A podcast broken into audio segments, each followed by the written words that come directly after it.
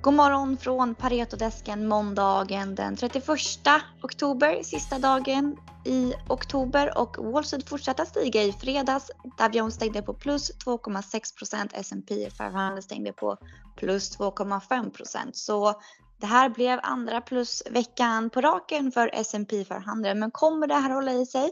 Ja, den här veckan får vi fortsatt några av rapporterna och sen så får vi framför allt Fed på onsdag. Vi ska prata med Longview Economics vad de tror om kommande månad. Good morning, Harry Colving from Longview Economics. This is the last day of October. How would you summarize the month?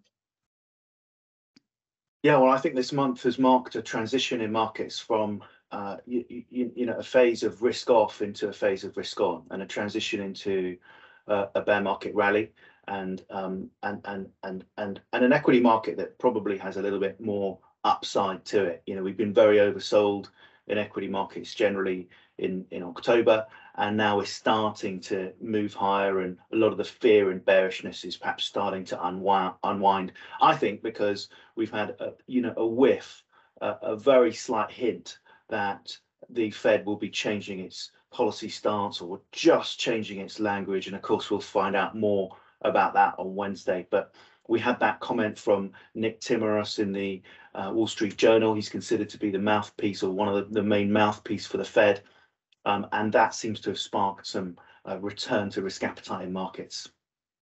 So, so what's your expectations for Fed on Wednesday? Do you think they will be less hawkish?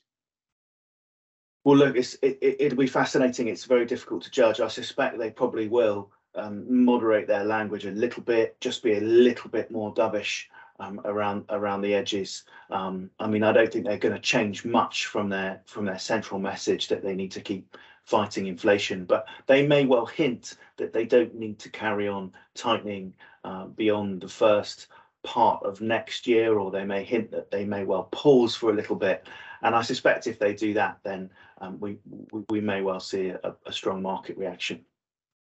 So, so what do you think about equities for November?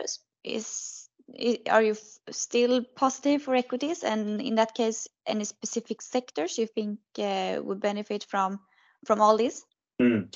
Well, we've had a number of buy signals from our short and from our importantly medium term models. They've been on buy and strong buy in the last few weeks. So, what we typically do is follow the signals from those models. We've been recommending long and, and overweight positions as a result of those signals. And I suspect what we'll do is we'll we'll we'll, we'll look to try and run those overweight equity trades at least until our short and medium term models begin to move back up to sell. Now they've started moving higher already, uh, but they're not yet generating a convincing sell message. So I suspect we'll run with them.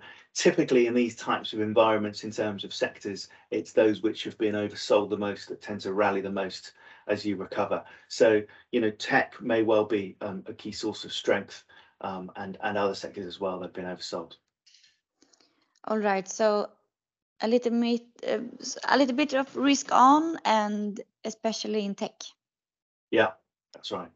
All right. Thank you very much, Harry. Have a good week. You too. Thank you. Tack så mycket för att ni har lyssnat den här måndagen. Som ni kanske förstår så kör vi bara på ljud den här veckan. Jag har lite höstledigt så att vi fortsätter att köra på Retodesken såklart. Men i en lite mer avskalad eh, version. Hoppas det är okej med alla och sen så önskar jag alla en fortsatt trevlig måndag så ses vi imorgon.